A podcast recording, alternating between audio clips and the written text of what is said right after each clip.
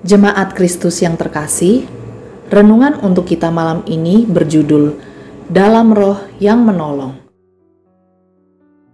Dan bacaan kita diambil dari kitab 1 Korintus 2 ayat 1 sampai 5 dan ayat 10. Beginilah firman Tuhan. Demikianlah pula ketika aku datang kepadamu, saudara-saudara, aku tidak datang dengan kata-kata yang indah atau dengan hikmat untuk menyampaikan kesaksian Allah kepada kamu, sebab aku telah memutuskan untuk tidak mengetahui apa-apa di antara kamu selain Yesus Kristus, yaitu Dia yang disalibkan. Aku juga telah datang kepadamu dalam kelemahan dan dengan sangat takut dan gentar. Baik perkataanku maupun pemberitaanku tidak kusampaikan dengan kata-kata hikmat yang meyakinkan, tetapi dengan keyakinan akan kekuatan roh, supaya iman kamu jangan bergantung pada hikmat manusia, tetapi pada kekuatan Allah.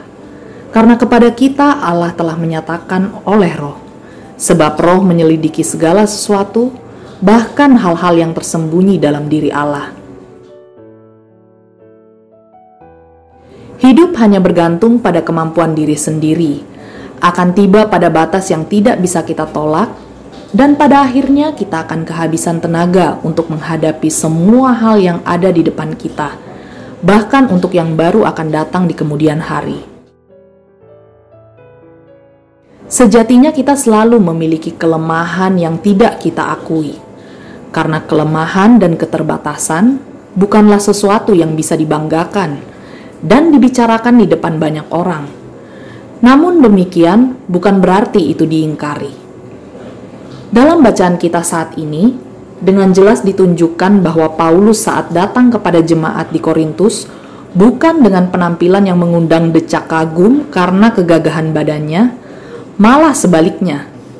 Ia menyebut dirinya gentar dan lemah saat hadir di tengah-tengah jemaat. Di satu sisi, Paulus ingin menunjukkan bahwa ia datang bukan untuk kemuliaan dirinya sendiri atau untuk pemenuhan kebutuhannya sendiri. Di sisi yang lain, Paulus ingin menegaskan bahwa apa yang ia ucapkan kepada para jemaat di Korintus hanya berdasarkan tuntunan Roh Kudus.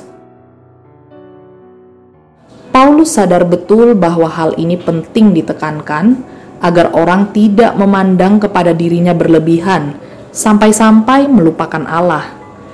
Justru dengan ia mengatakan ini semata-mata bertujuan agar jemaat di Korintus fokus kepada Kristus, bukan malah kasihan pada kondisi Paulus.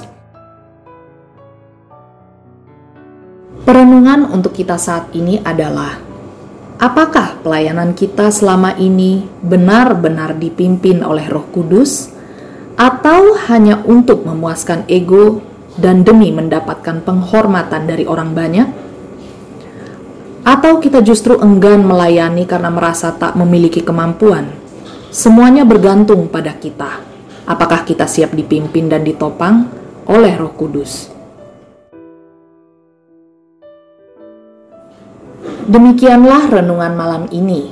Semoga damai sejahtera dari Tuhan Yesus Kristus tetap memenuhi hati dan pikiran kita. Amin.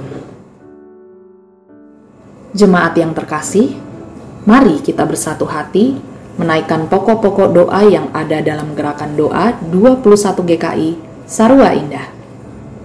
Mari berdoa.